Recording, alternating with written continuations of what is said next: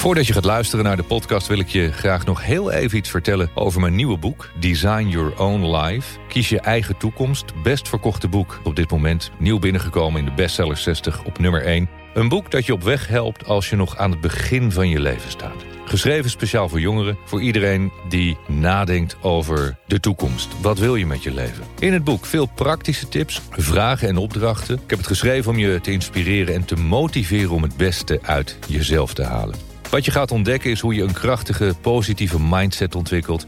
Hoe je omgaat met angst en stress, hoe je rust in je hoofd vindt... en hoe je invulling kan geven aan jouw meest ideale leven. Te koop bij iedere boekhandel en natuurlijk ook online.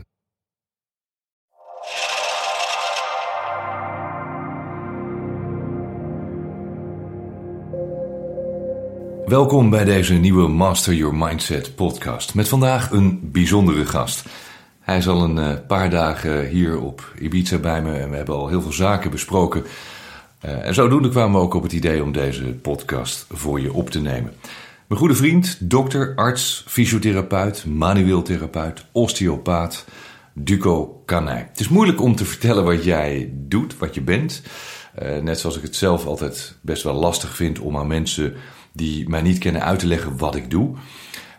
Maar als ik dat moet, moet samenvatten, zeg ik altijd: ik help mensen om hun mooiste leven te leven, om, om meer plezier te ervaren, om gelukkiger te zijn, maar ook om uh, succesvoller te zijn, om het maximale potentieel uit zichzelf te halen. Dat is wat ik doe vanuit de mind, de mindset, de psyche, het denken. En je merkt, het werk dat wij allebei doen is best wel lastig om uit te leggen aan andere mensen. Toch geef ik je hierbij de gelegenheid. Wil je het aan, aan, aan de luisteraars van de podcast uh, vertellen? Hoe zou je omschrijven wat jij doet? Het is moeilijk, omdat zelfs een echte osteopaat het bijna niet lukt om het goed te doen. Mm -hmm.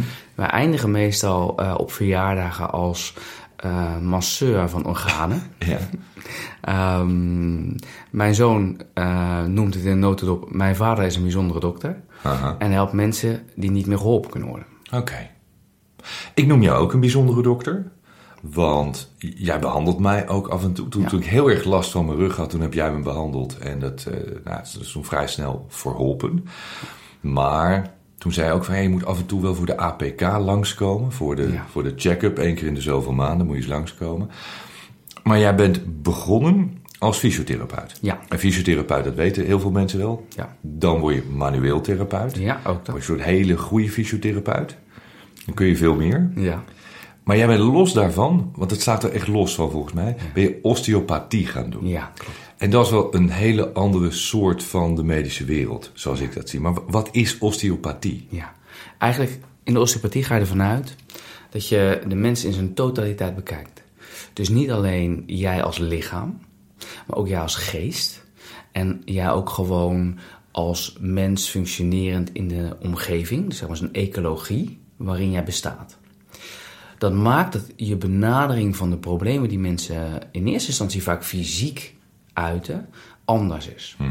Je eindigt dus niet alleen bij het fysieke, hoewel dat wel de hoofdmoot is van wat wij doen, maar zijn ons heel bewust ook van het stukje de psyche en de lifestyle die je eraan hebt gekoppeld. Hè? En je hele omgeving, je ecologie waarin je leeft. Dat betekent dat op het moment dat we iemand zien, wij niet alleen kijken naar de rug of de knie, maar ook kijken wat zit er aan de binnenkant en in welke mate heeft dat een verhouding, als een relatie moet ik zeggen, tot die, die buitenkant waar je last van hebt. Vervolgens maken we nog één essentiële stap, denk ik. En dat is, we kijken vervolgens naar hoe zit dat nou als je in je lichaam iets vast hebt zitten. Een rug, een darm, een nier of een lever. Uh, hoe zit dat nou in relatie tot jouw mentaal functioneren? Anders gezegd, welke thema's kom jij in je leven tegen Mhm. die zich hebben vastgezet in jouw lichaam? Waar dan ook. En door het lichaam daarin te behandelen, wetende dat je daarmee het lichaam vrijheid geeft, weet je ook dat je daarmee de psyche vrijheid geeft. Mhm. En dat is eigenlijk vrij compleet behandelen. Want lichaam en geest is één, zoals iedereen een beetje weet. Zoals jij dat ziet en zoals ik dat zie, Ja. dat is een osteopaat. Als ik dan kijk naar de reguliere geneeskunde, dan heb je dus een, een fysiotherapeut of een manueel therapeut die zegt van joh, je hebt last van je rug. Of een chiropractor die zegt joh, ik ga even een beetje je wervels recht zetten en een beetje trekken en duwen. die zijn puur met je lichaam bezig. Hoewel een chiropractor tegenwoordig ook wel vaak zegt van... joh, je, je moet met je mind bezig gaan. Ja. Maar jij en de osteopathie kijkt echt naar de balans van lichaam en geest. Ja. Want feitelijk, als ik vertaal wat je net zegt, zeg je wel... jij hebt misschien wel last van je, van je rug. Veel mensen hebben last van hun onderrug. Dat kan natuurlijk zijn dat er iets met je wervels is. Ja. Maar heel vaak is die rug is een resultante van een ander probleem. Klopt. Het is het resultaat. Juist. Want bij mij was het ook zo. Bij jou is dat ook zo. Ja. Ja, ja. En dat weten veel mensen niet. Nee, omdat ehm, het hele gebied aan de binnenkant in het lichaam, dat zit natuurlijk ergens aan vast. Een darm of een lever of een nier of een maag zit er ergens aan vast. En dat zal je niet verbazen, dat is je wervelkolom. Het zit met banden zit dat vast. Een soort ligament, hè, een soort, soort, net als je enkelband. Ook een band, dan zit je nier vast aan je wervels. Of vast aan de binnenkant van je ribben. Eh, gelukkig maar, want anders als je op je hoofd ging staan, dan viel alles naar de verkeerde kant. Nou, dat gebeurt niet als je op je hoofd gaat staan.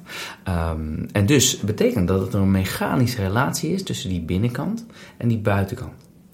En het lichaam heeft een hiërarchie en daarmee wil ik zeggen dat de binnenkant bepaalt, dirigeert wat de buitenkant doet om de binnenkant goed te houden. De binnenkant zijn je organen. Dat zijn absoluut Dat zijn je vitale delen. Ja, Van Als, je, als daar iets misgaat, ga je dood. Ga je dood, ja. Ja. Als jouw leven ermee ophoudt, ga je dood.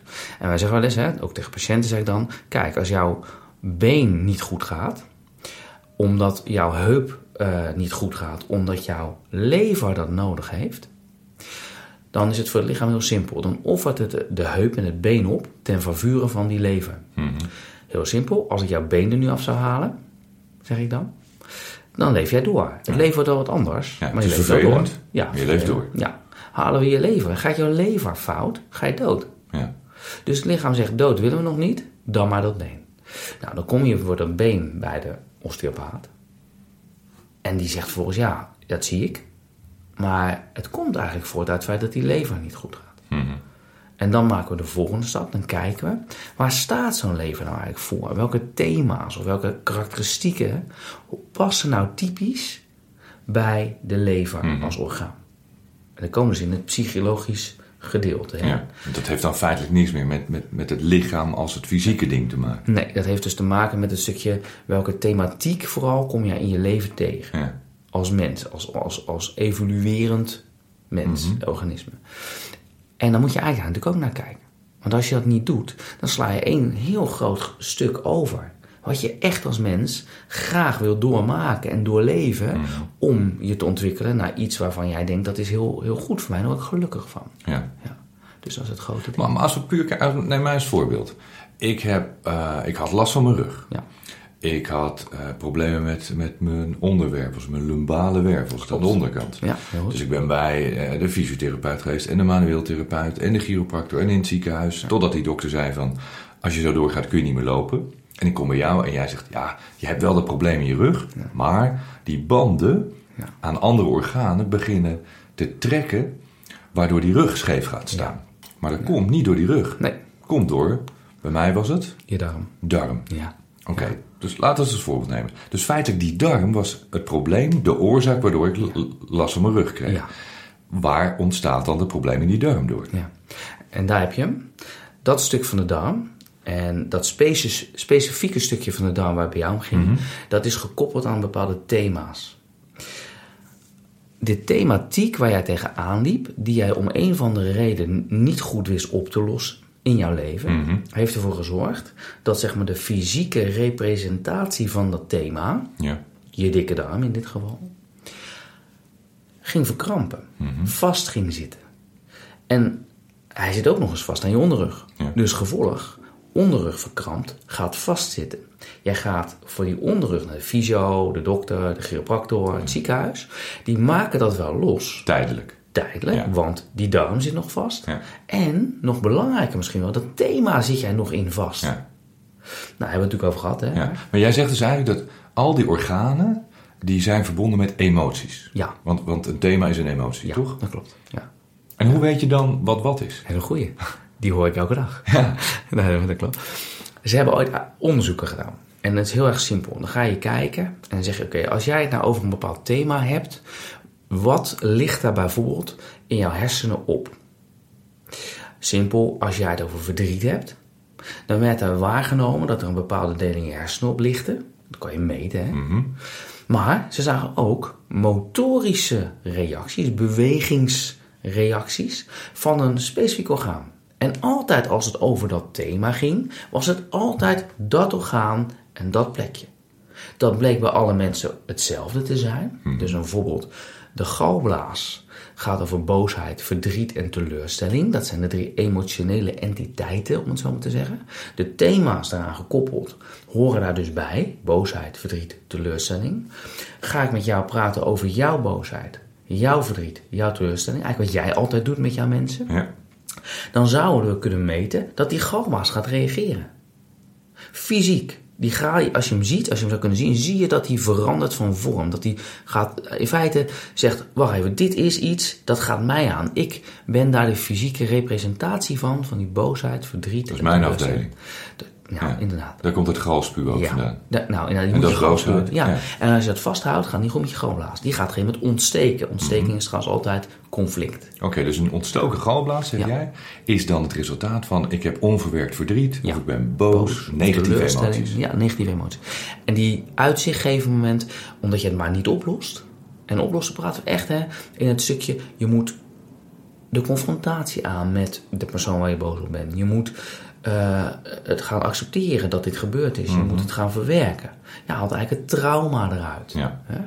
En als je dat doet, dan zul je zien dat die galblaas weer rustig kan worden. Dat die niet meer, dat het, zeg maar, het interne conflict over jouw boosheid is weg. Dus je geeft het lichaam ook geen kans, de galblaas geen kans om te gaan ontsteken. Doet hij het wel, heb je een galblaasontsteking. Ja. Nou, dan wordt hij bij de dokter uitgehaald. Mhm. Ik kan me nog herinneren van vroeger, als ik iets gedaan had waarvan ik wist dat dat niet echt mocht. En als je heel klein bent, dan is het anders wanneer je 15 of 20 bent of 30. Precies, precies. Maar iedereen heeft dingen in zijn leven van die weet dat had ik beter niet kunnen doen of niet moeten doen. En dan krijg je een beetje buikpijn. Ja. Weet je, dan krijg je, Ja. je denkt, het voelt een beetje ongemakkelijk in Ja. je buik, een beetje kramp, beetje echte verkramping en zo. Ehm, heeft dat hier dan ook mee Ja. te maken? Eigenlijk zeg je het op een perfecte manier. Wat je ziet gebeuren is jouw mentale staat, jouw emotionele staat, kent een fysieke representatie. Verkramping. Verkramping betekent altijd verlies van mobiliteit. Je, je beweegt minder. Als je Ja. kan, beweeg je minder. En als je het lang volhoudt en je, hebt, en je houdt dat gevoel in je maag, dan gaat die maag steeds meer verkrampen, vastzitten, minder goed functioneren. Daar ga je klachten van krijgen. En wat je ook vaak ziet, is dat op basis van het feit dat iets jou niet lekker zit, gaat er verzuring optreden. Verzuring is een, een, eigenlijk een heel groot probleem overigens voor de mensen hoor, verzuring In je lichaam. in je lichaam. Want dat doet alle cellen minder goed functioneren. En dan zie je dat die verzuring ertoe leidt dat je maagslijmvlies minder belastbaar wordt. Zelfs op een gegeven moment ehm, eh, het maagslijmvlies bijna weg is. En het zuur je maagwand aantast. En dan heb je hem al. Dan heb je dus een maagsfeer. Dat gaat natuurlijk ontsteken. Dus als je het lang volhoudt, krijg, loop je maagsfeer op. Als gevolg van het continu in stand houden van je eigen negatieve, vervelende gevoel over hetgeen je gedaan hebt in dit geval. Ja. Als ik je zo hoor praten, dan zeg je feitelijk tot nu toe: alle lichamelijke kwalen, veel lichamelijke kwalen, komen dus voort uit hoe je omgaat met gedachten en emoties. Ja. En het lichaam reageert daarop. Ja, Kan het ook andersom zijn? ja, ja. Je kunt natuurlijk langdurig... Kijk, de weg, als de weg van boven naar beneden loopt, loopt hij ook van beneden naar boven. Het is dezelfde weg. Als je langdurig een orgaan negatief prikkelt, gaat dat ook iets met jouw psyche doen. Maar hoe prikkel ik een orgaan negatief? Eh, pijn is een, een goed voorbeeld. Dat heet in onze termen nociceptie. Eh, je geeft een pijnprikkel. Als jij ehm, om een of andere reden besluit dat jij heel slecht voor je binnenkant zorgt door een stof te nemen, neem bijvoorbeeld alcohol. Ja, stel je, je, drinkt heel veel. Ja, alcohol, ja precies. Ja. En dan ga je je lever nogal redelijk prikkelen in negatieve zin. Dan gaat die lever gaan, gaat, gaat daarop reageren. Hij, hij gaat ontsteken op een gegeven moment. Hij gaat daarmee opzetten, hè, want bij ontsteking komt altijd een zwelling. Hij gaat daarmee je, sta, je houding, je statiek veranderen. Dan denk maar aan een lever die groter wordt, gaat meer ruimte innemen, gaat je in een andere positie zetten, Dus je lichaam gaat, anders staan. je gaat anders staan. Ja, ja. en dan komen mensen eh, binnen met: Ik heb last van mijn rug of van mijn nek. Maar eigenlijk heb je een probleem in je lever. En eigenlijk, en dat is natuurlijk de stap naar de thematiek, is er een reden om je zo verdrinkt. En dan kom je in de thema's, de levensthema's van een mens terecht. Dus om het echt op te lossen, moet je misschien wel niet bij mij zijn, Mhm. maar bij mij. jou. Ja, Of bij een psychiater. Ja, of bij een psychiater. Ja. Ja. of, of een hele goede eh, psychotherapeut vooral. Kom- Komt dit nou ook uit de oude Chinese geneeskunde? Die, die, die verbondenheid tussen lichaam en geest? Ja, absoluut. En vooral ook uit de Ayurveda. Ja? En de Ayurveda, en ik weet dat veel mensen die het niet fijn vinden, is eigenlijk de moeder der geneeskunst. En ook de, grond, zeg maar de, de, de grondlegger van de traditionele Chinese geneeskunde. ja. Hoe het, hoe het Slecht dat eigenlijk ik het nu ook zeg, maar ja, hoe het eigenlijk ook begonnen. Ja. En, en je zult zien dat de Ayurveda echt heel duidelijk zich bezighoudt met, met thema's in het leven als onderdeel van hun behandeling. Zo sprak een Ayurvedisch arts en die zei: Een onderdeel van mijn behandeling is bijvoorbeeld altijd het onderwerp geld. Want geld is een pijler van mensen hun bestaan. Het is heel eh, naïef om daar niets mee te doen. En bij sommige mensen is die pijler helemaal goed. Maar hij zegt bij heel veel mensen is die pijler niet goed. Waarom zou je dat laten liggen? Ja. Wordt ontkend. Wordt heel vaak ontkend. Het is een Ja. beetje taboe, hè? Ja. Geld is, dat merk ik ook vaak natuurlijk. Geld is taboe, want geld maakt niet gelukkig. En het gaat altijd maar om geld. Ja. Uh, maar wat jij dus zegt is dat geld dat is, uh, tot een bepaalde hoogte is het heel belangrijk. Een pilaar voor, voor het bestaan waar je op leeft. En als die er niet is, is uh, die stoel met drie poten, dan, dan donder je er vanaf. Ja, je zit wel, maar je zit niet comfortabel. Nee. En als, als je daar een beetje niet wankels. past, val je, val, je, val je om. Ja, klopt.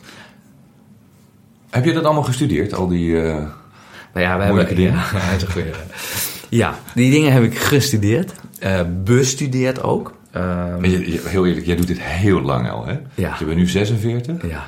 maar je bent Denk vrij ik. jong begonnen met, Ja, met, ja, ik, studeren. ja, ik weet niet of ik 46 of 47 ben, want daar hou ik niet zo goed bij. Ehm, maar ehm, ik, ben, ja, ik ben heel jong mee begonnen. Ehm, eh, ik doe dit nu 25 jaar of zo. Ja. En wij hebben ehm, over de afgelopen 15 jaar hebben, hebben, heb ik mijn eigen methodiek ontwikkeld. Dus die is veel verder ingegaan op die symbiose tussen lichaam, geest, binnenkant, buitenkant. En dat is eigenlijk een resultante natuurlijk van de fysiotherapie, van de osteopathie, van, van ja, de reguliere geneeskunde, van, van al die dingen die ik bestudeerd heb. En heeft eigenlijk geleid tot een heel hoog efficiënt, efficiënte manier van behandelen. En dat is eigenlijk waar de grote meerwaarde ligt. En ik denk dat eh, het stukje wat wij zelf niet brengen in de diepte zoals we het idea- idealiter zouden willen zien, is het stukje bijvoorbeeld de coaching. Ja. Een goede coach is, is goud waard. Ja. Want die maakt het echt, echt af. Ja, ja, ja. maar dat ben ik niet. Dus het is altijd een combinatie tussen wat wij doen. Eh, Ja. Daarom zijn we Ja. samen Nou, wel geestig op het podium ook. Precies, dat denk ik ook. Ja, dat klopt. Ja, dat klopt buiten dat jij natuurlijk als dokter echt wel absoluut weet waar je het over hebt. Want ja, ik kan nog wel eens roepen. eh, ik, ik vind mijn vak, het is heel serieus, maar ik kan nog wel eens roepen van... God Duco, weet je, je denkt een beetje negatief. En hoe komt dat nou? Dan ga ik goede vragen stellen. En dan komt, er komt er uiteindelijk komt daar die kern uit van dat thema en die pijn. En dan kunnen we daaraan werken. En dan, dan kunnen we dat ook heel snel oplossen. Maar dat is het geestelijke gedeelte. Ja. De mindset. Ja. En waar wij eh, de afgelopen dagen, Duco is hier al een paar dagen eh, over gesproken hebben, is dat je zegt van ja, maar het kan dus ook heel erg uit dat lichaam komen. Maar zoals je net zegt, is dat fysieke aspect toch ook wel weer het resultante van, eh, van die gedachten. ja. Want als jij heel veel drinkt, eh, kun je wel zeggen dat het gezellig is en leuk. eh, maar ergens is er wel iets waarom je zoveel gaat drinken. Heel erg duidelijk. toch altijd. Ja, altijd. En eigenlijk als je nog een stap verder gaat in de energetica, wij zijn natuurlijk een energetisch lichaam, ehm, die als energie blijft bestaan. Ehm, misschien wel over verschillende levens of in een bepaald tijdsbestek bepaalde lessen door moet, levenslessen. Maar je fysieke verschijningsvorm, die zou zomaar eens, die is sowieso tijdelijk, want het lichaam waarin je leeft nu gaat een keer dood. Ehm, als jij dan als energetisch wezen, als energetisch, eh energetische entiteit blijft bestaan, dan gaat dat door. Maar verlies niet datgene wat het geleerd heeft. Want dat sla je op in je hele energetische zijn. Dat maakt het uitermate interessant. Het zou zomaar kunnen zijn dat het leven een soort vervolgverhaal is. Een soort hele lange eh, soap als goede tijden, slechte tijden. Waarin jij ehm, allemaal dingen leert, jouw fysieke lichaam verlaat, als energetisch lichaam verder gaat, opnieuw terugkomt in een misschien wel andere fysieke dus eigenlijk zeg je, ik ben, ik ben een rol in goede tijden, slechte tijden. Ja. Dan wordt die serie uitgeschreven, want Ja. ik ga dood. Maar over vijf jaar kom ik terug in die serie. En, maar dan ben ik een ander karakter. Ja, je was eerst Arnie. Ja, Nou, en daarna kom je terug als... eh, iemand anders. Iemand anders. Ja. Zo zie jij het ook echt. Zo zie ik dat ook echt. Ja. Ik vind het wel mooi, want uh, Wayne Dyer, een van mijn grote voorbeelden, zei ook altijd, zoals zoveel spirituele mensen, wij zijn spirituele wezens in een lichamelijke, fysieke verschijning in dit leven, maar het gaat door. Ja, absoluut. Ja. Je krijgt er een andere verpakking omheen als Ja. je terugkomt. Ja. Maar komt die energetische vorm volgens jou dan terug op deze wereld? Hoe moet je dat zien? Want volgens mij ben je helemaal niet zo spiritueel. Nee, nou, de- ja, dat is mooi. Ja. Ik ben de. Ik ben, kijk, ik geloof dat realisme komt voor idealisme Ja. om je ideaal te bereiken. Dus ik kijk vanuit een vrij rationeel perspectief naar alle aanwezig zijnde factoren in het leven. Dat klinkt al redelijk rationeel. Ja. Je kunt gewoon bepaalde zaken niet ontkennen. En op het moment dat je ze niet kunt ontkennen, en dat betekent niet altijd dat je ze ook daadwerkelijk moet kunnen zien, hè? je hoeft ze niet altijd zichtbaar te kunnen maken, zijn ze voor mij ook daadwerkelijk bestaand. Als je, als je bedenkt dat ehm, wij als mensen, als organismen, eh, eigenlijk tijdens dit fysieke leven ook gewoon van kunnen veranderen. Want wie ik nu ben, dat was ik 10 jaar geleden en 20 en 30 jaar geleden ook niet. Nou, Je ziet er anders uit. En ik zie er ook nog eens anders uit. Dat is bijna al in dit leven het bewijs dat fysieke verschijningsvorm en men- mentale staat van zijn mutabel zijn, als in veranderbaar zijn. Ja. Binnen die zeg maar 90 jaar dat wij Je leven. transformeert tijdens je leven. Absoluut. Want heel eerlijk, je wordt geboren als een heel klein ventje. Juist, En dan word je groot en sterk en je gaat weer dood als een heel klein oud dun mannetje. precies. Ja, Dus je verandert continu, Continu. in je uiterlijke verschijning. Ja, Maar en- ook dus hoe je denkt. precies. Ja, precies. dat is je inzicht. En, en En waarom zou dat dan niet zo zijn op het moment dat jij doodgaat? Dat zou raar zijn. Hè? Ja. Als je dit fysieke lichaam zou verlaten, dan heb je een leven achter waarin je continu veranderde, muteerde. Dan muteer je uiteindelijk nog een keer als je verlaat dit fysieke lichaam. Maar dan, moet, dan muteer je natuurlijk ook weer ergens anders naartoe. ja.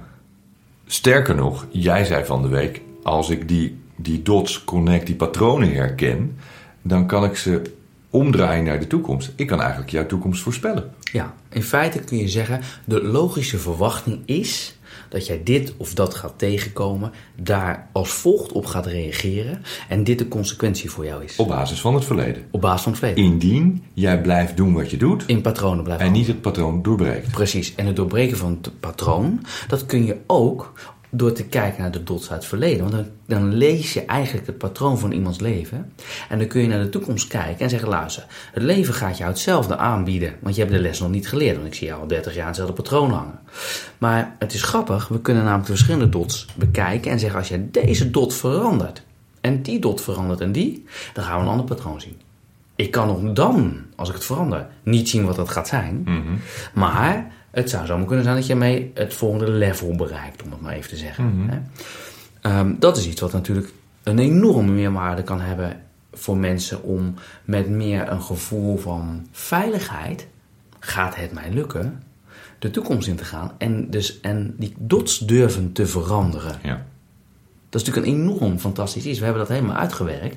Nou, eh, super. Hoe werk je zoiets uit? Eh, eerst in theorie eh, ga, ik, ga ik kijken. Dan neem ik patiënten van mij. Dan bespreek ik met hun de dots van het verleden. Dus dan gaan hun- eigenlijk hun dots Ja. kenbaar Ja. maken. Dan ga ik op basis van, die verdeel ik in, in verschillende thema's. En dan heb je, je hebt allerlei thema's. Liefde, noem maar op. Hè. Werk, nou oké. En dan gaan we kijken welke dots nou ook in die thema's terugkomen. Ik denk, ja, in jouw werk zie ik altijd datzelfde terugkomen. Heb je weer conflict met je werkgever? Eh, ga je weer hetzelfde gedrag vertonen? Kom je weer te laat? Ga je in de ziektewet? Hè? Om even een voorbeeld te gebruiken waar het toch wel wat vaak voorkomt. Dan is het te verwachten dat nu bij jouw nieuwe baan wij hetzelfde patroon gaan zien. Ja. Wat is nou het punt? Welk dotje is nou het dotje waar het fout ging? Ja. En wat moet jij daar nou anders doen om de dots van de toekomst Ja. te veranderen? Connecting the dots forward. Want dit is wat we vaak zien allebei. Eh, iemand neemt ontslag, want die bevalt het niet in zijn baan. Zijn collega's en zijn baas gaat naar zijn volgende baan, naar zijn volgende baan. En elke keer na een jaar zijn het de collega's en het is altijd de omstandigheid. Eh, ik heb een vriendin die altijd de verkeerde mannen treft. Nou, wie heeft ze niet? Al die patronen. Precies. En dan moet er toch ergens een lampje gaan branden. Ja. En dat is dus wat je doet. Ja, en dat lampje, ja, als je dat ziet, als je de dot ziet oplichten die je dan moet veranderen en je verandert hem, dan verandert dat patroon. Dan En, verandert en dat kan echt een significante verandering in je leven zijn. Ehm, 180 graden. Ja, want dat betekent ook soms dat mensen die altijd maar het gevoel hebben: ik mislukt, niks lukt. Als je dat juiste knopje weet te raken, kunnen ze ineens als ondernemer heel succesvol worden Ja. en geld gaan verdienen. Ja, en daar heb jij natuurlijk ook heel veel voorbeelden van. Daar heb ik veel voorbeelden Ja, van. Maar ook, ik ben altijd doodongelukkig geweest. En dat is logisch, want dat zit in mijn genen. Maar ergens weten wij die, die knopjes anders in te drukken. En ik zie iemand anders gewoon na een paar weken gelukkig door, door het veld springen. Want weet je wat grappig is, en dat- dat zeg je heel leuk. Ik ben altijd ongelukkig geweest, want het zit in mijn genen. Dat is onzin, want je bent als baby weer geboren. Allemaal. En je was een pseudo, je pseudo-blank. Even los van, de, van, die, van, die, van, die, van die energetische entiteit. Maar je bent pseudo-blank. Het ligt allemaal open. Elke keuze die je gaat maken is nog volledig aan jou. Er is nog geen, zeg maar, gedwongen keuze, want je hebt nog niets gedaan. Simpel voorbeeld, ik sluit morgen een hypotheek af voor een nieuwe woning. Dan heb ik een tweede keuze die ik moet maken, is dat ik mijn hypotheek moet overmaken. De derde keuze zou volgens dat ik wel moet zorgen dat ik een baan heb om te kunnen betalen. Toch? Daarvoor moet ik iets doen, wat ik misschien in mijn geval heel graag doe, maar heel veel mensen misschien wel niet zo graag doen. Als baby heb je dat allemaal nog niet. Dus het opbouwen van jouw leven in die zin is nog vrij. Ik geloof niet in genetisch, genetisch ongelukkig zijn vanuit een genetisch perspectief. Ik denk dat dat, dat, dat, niet, dat, dat niet zo Nee. werkt. Nee, Dat is boeiend, want ik, ik las een onderzoek. Een Nederlandse wetenschapster heeft dat gedaan. Eh, dat 40% van jouw ongelukkig zijn mogelijk kan voortkomen uit je erfelijkheid. 40%. Ja, meteen ben ik geïnteresseerd in hoe kom je op 40%. Vond ik dus ook Ja, boeiend. we hebben 7 miljard verschillende mensen. Als op iedereen hetzelfde toepasbaar zou zijn, werd het een hele interessante wereld. Denk ik dan. Eh, vervolgens kun je, moet je af gaan vragen: eh, kun je valide definiëren wat geluk en ongeluk is? Want ik zit hier nu met jou. Eh, jij hebt er net, toen we dit gingen doen, voor het geluid waarschijnlijk de airco uitgezet. Dus ik heb het warm. Ja, ik ben ook. ik nu gelukkig of ongelukkig? Ik, kan hier, ik weet zeker, ik ken iemand die had hierbij gezeten, die had gaan klagen. En die had gezegd: Dit is helemaal niks. Wat een afgrijzelijk uur. Ja. Ik zit te genieten. Ja. Ik heb een toptijd. Ja. Ik ben met een vriend hier. We hebben het over dingen die wij interessant vinden. Het is een voortzetting van ons weekend eigenlijk. Dus het is weer, hoe ga je ermee om Precies. met die omstandigheid? Ja, en ik ben niet voor 40% in de modus dat ik denk, ja, dit is gewoon drie keer niks. Ik zit hier in de hitte een, een verhaal te houden eh, op mijn vakantie. Ja. Helemaal niet. Dus ik moet eerlijk zeggen dat ik die wetenschapper eh, absoluut, eh, daar ben ik het absoluut niet mee eens. Ik denk dat je in potentie allemaal 100% gelukkig kunt zijn. En daar bedoel ik mee, 100% gelukkig is een resultante van je up en je down. Hè? Niemand is continu gelukkig en niemand is ook continu ongelukkig. Maar als je al begint vanuit de perspectief, voor 40% ben ik erfelijk belast ongelukkig. Als je het aanneemt, is waar. Ja, daar heb je zelf al 4-0 achter gezet Ja. kan je bijna alleen maar verliezen. Ja. Zou ik niet voor gaan persoonlijk. Nee. Dat is een keuze. Dus, nou, dat is absoluut een keuze. Ja. Maar als je mensen conditioneert vanuit je professie als wetenschapper, dat we allemaal voor 40% ongelukkig zijn, voor mij moet je gewoon de politiek, want dan pak je sowieso heel veel mensen al op die, die nu PVV stemmen. Weet je? Maar, zo, ik Ja. weet niet of ik het mag zeggen, maar zo, eh, ik denk niet dat het, dat, het, dat het bijdrage aan de wereld is in positieve zin. Ik denk eerder dat je kunt zeggen, je moet luisteren, je maakt er zelf van wat je ervan maakt.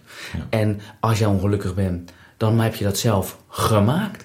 En ook voor de mensen die nu hier naar luisteren, ja, dat is een mooi verhaal, maar jij werd niet misbruikt door je vader, weet je overigens niet, hè? Ehm, of dat voor mij zo is. Jij werd is niet zo, hè? Jij werd niet geslagen, jij werd niet mishandeld, jou is niets ernstig overkomen. Dus jij kunt niet zeggen voor mij dat mijn keuzes zo hadden kunnen zijn dat ik nu gelukkig had kunnen zijn. Dan kom je bij een heel interessant onderwerp waar je het natuurlijk ook hebben gehad. Als je blijft hangen in je trauma, de keuze niet kan of durft te maken om daar afstand van te nemen. En verder te gaan, ja, dan wordt het lastig. Dat is dus ook een keuze. Dat is een absolute ik, ik ken toevallig, omdat jij me dat vertelt, ook een beetje jouw eh, Achtergrond. achtergrond Ja. en je verleden. En zo zijn er meerdere mensen die, laten we zeggen, in de eerste 10, 15 jaar van hun leven echt niet zo'n fantastisch bestaan hebben gehad. Absoluut. Eh, ik vind Oprah altijd een mooi voorbeeld. Ja. Je zegt, ja, maar dan heb je Oprah weer. Ja, maar zo zijn er heel veel mensen die Ja, niet wereldberoemd zijn. Ja. Die ook een fucking ellendige jeugd hebben gehad. En een, een hele moeizame start van hun leven. Eh, en die hebben er wel een heel groot succes van gemaakt. Ja. En die zijn heel gelukkig Ja. geworden. En dat succes staat ook even los van geld. Kijk, Ja, zeker. ik ben een heel gelukkig mens. Ik, ik vind mijn werk fantastisch. Ik, ik vind mijn vriendin fantastisch. Mijn kinderen fantastisch. Mijn leven is geweldig. Ik heb goede vrienden. Ik, het is allemaal prachtig. Het waren allemaal keuzes, hè? Ja. Allemaal keuzes. En inderdaad, voor mij waren de eerste 20 jaar. Ik hoorde tijdens mijn college eh, psychiatrie dat de gedragingen van zeg maar, mijn moeder niet waren, eh, onder de psychiatrie vielen. Dat ik dacht, hé, hey, ik ben opgevoed met het idee dat dat normaal was. Deze ge- of misdraging.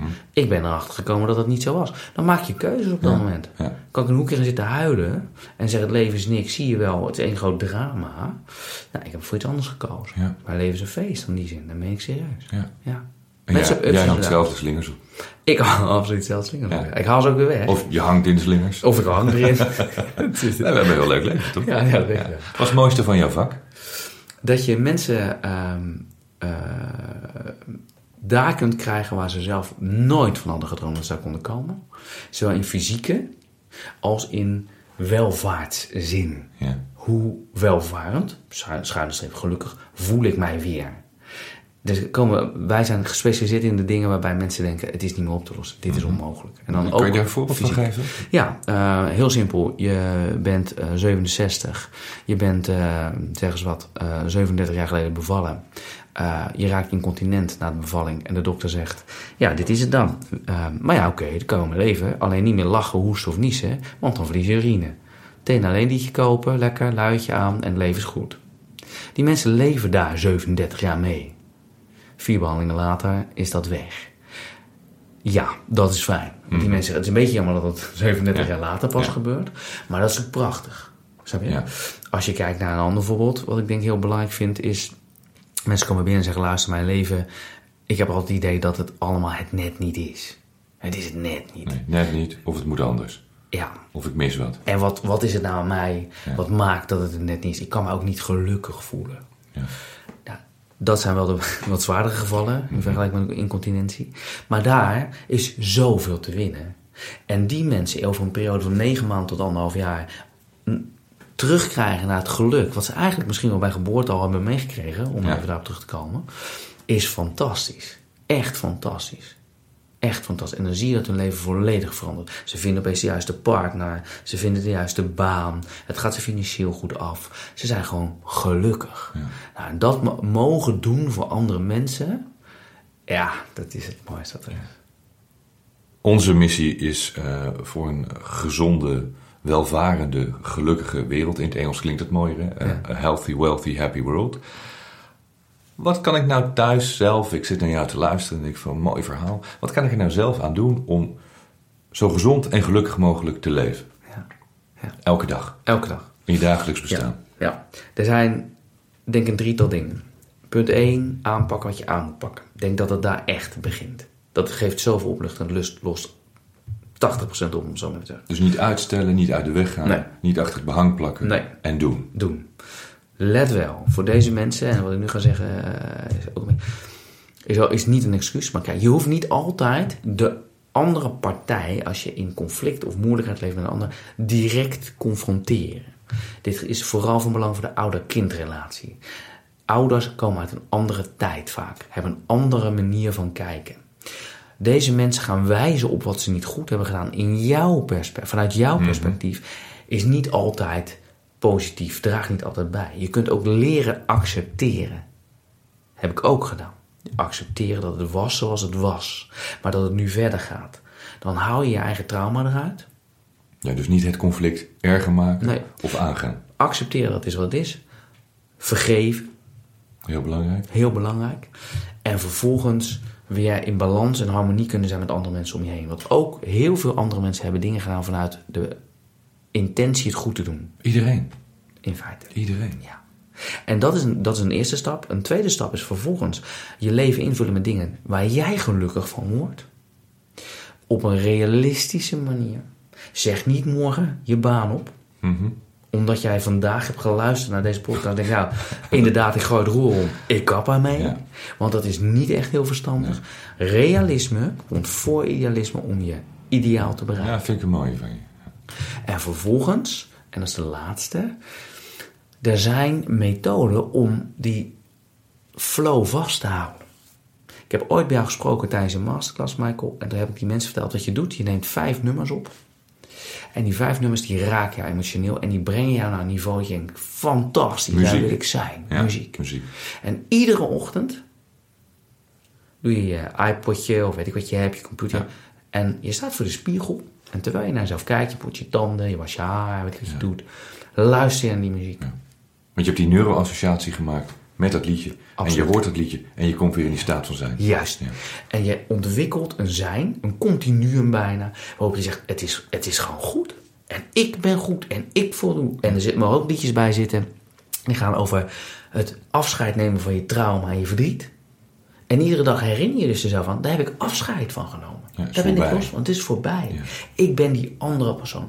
En dat, zijn, dat is een manier om jezelf ook in de flow te houden. En accepteer ook dat er dagen moeten zijn waarin het even minder is. Ja. Want niets bestaat, er is geen dag zonder nacht. Als je altijd in de dag zou leven, word je diep ongelukkig, kan ik je zeggen. Ja. Dat je ook een keer slapen. Ja. Jij noemt dat de paradox van het leven. toch? Ja, de paradox van het leven. Alle, alle essentiële zaken in het leven, die kennen een interne paradox. Dus je moet iets doen. Shakespeare kent het, hè, de oude, de oude Grie- Griekse mythologie. Je moet liefde loslaten om liefde te krijgen. Ja. Want jij zegt, je moet ook heel gezond eten natuurlijk. Ja. Maar ik moet af en toe een patatje oorlog eten. Ja, om die balans te houden. Ja, want als je niet zondigt, zondig wordt bij het leven. Anders Maar zondigen is een uitzondering. Eh, precies. Dus het moet niet de regelmaat zijn. Nee, en daar moet je even voor passen. Anders eindig je daar bij de volgende podcast. Ik heb obesitas, hoe, hoe, hoe los ik dit op? Dankjewel. Graag gedaan, Michael. Ja, dankjewel voor dit mooie gesprek. Dat is mooi, hè? Ja. En wat weet hij veel? Ongelooflijk. Ja, Michael die eh, gaat regelmatig naar Duco toe. En ik wil altijd mee. Ja. En eh, ik kan uren naar Duco luisteren. Hij heeft zoveel wijsheid eh, te vertellen. Ontzettend mooi. Ja, en als ik nog heel even terugdenk aan die verandering waar Duco het over had. Als ik kijk naar waar ik vijf jaar geleden stond, dan praten we over eind 2012. En waar jij stond vijf jaar geleden en waar we nu staan, dan is dat een totaal ander leven. Ik leefde op mijn zeilboot, op dat moment in Barcelona. Nu wonen we weer in een huis, in een heel mooi huis, op Ibiza.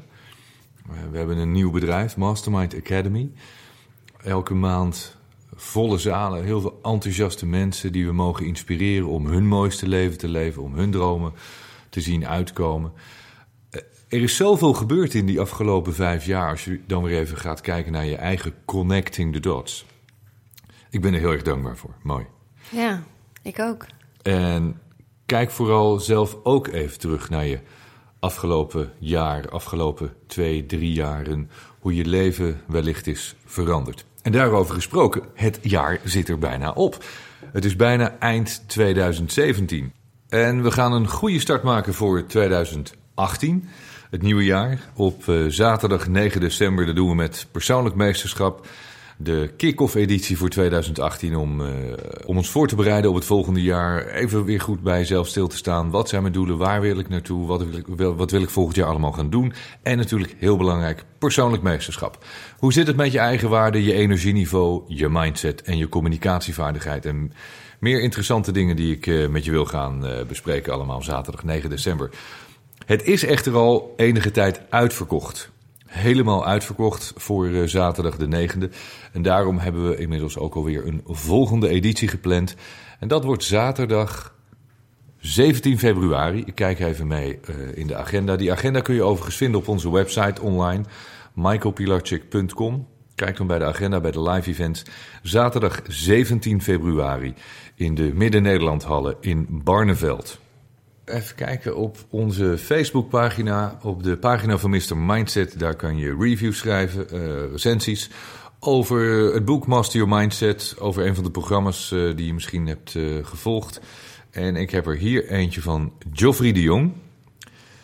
Geoffrey heeft op 1 november heeft hij een heel mooi lang verhaal geschreven. Ik ga niet alles voorlezen, het is een heel lang verhaal. Ehm, dit wilde ik voorlezen. Wil je niet vastgeroest zitten in je eigen leven, op wat voor gebied dan ook, dan is het van essentieel belang dat je af en toe het deksel van je waterton opentrekt en er vervolgens water uitleegt om er nieuw helder en fris water aan toe te voegen. Na verloop van tijd zal je de reflectie van jezelf weer kunnen zien in het wateroppervlak. Vind ik een mooi verhaal. is een beetje, lijkt een beetje ook op het eh, verhaaltje van de non en de bron uit eh, Master Your Mindset. Dit is dus wat het boek Master Your Mindset doet na het lezen van eh, in combinatie met Think and Grow Rich. Uh, het laat jouw wereld op zowel persoonlijk als op zakelijk gebied door een andere bril zien, waardoor je een totaal andere visie krijgt, een andere state of mind. Uh, even kijken, wanneer het neerkomt op het omgaan met geld, zaken doen, je business oprichten en je laten groeien als mede een stukje peace of mind vinden binnen in jezelf. Dat is belangrijk. Peace of mind, de rust in jezelf. Dankjewel, uh, Geoffrey de Jong. Dank voor deze prachtige recensie. Wil je zelf ook kans maken? Want dat is de prijs, had ik nog niet verteld natuurlijk. Dat is de prijs. Wil je zelf ook kans maken op een één op één videocoaching? Uh, schrijf dan een uh, recensie of een review op onze Facebookpagina slash Mr. Mindset. Geoffrey, stuur ons een mailtje, neem contact met ons op. Contact@michaelpilarczyk.com. Dan gaan wij een afspraak maken voor die één op één videocoaching. Dat gaan we dan binnenkort laten plaatsvinden. Dankjewel nogmaals. Ja, en misschien goed om te weten dat ook dat de enige manier is om één op één videocoaching Ja. met jou te krijgen. Ja. Uh, je geeft geen videocoaching, Nee. kan je niet kopen. Niet Je hoeft kopen. ons daar ook Nee. niet over te mailen. Nee. Of je toch echt geen coaching wil doen.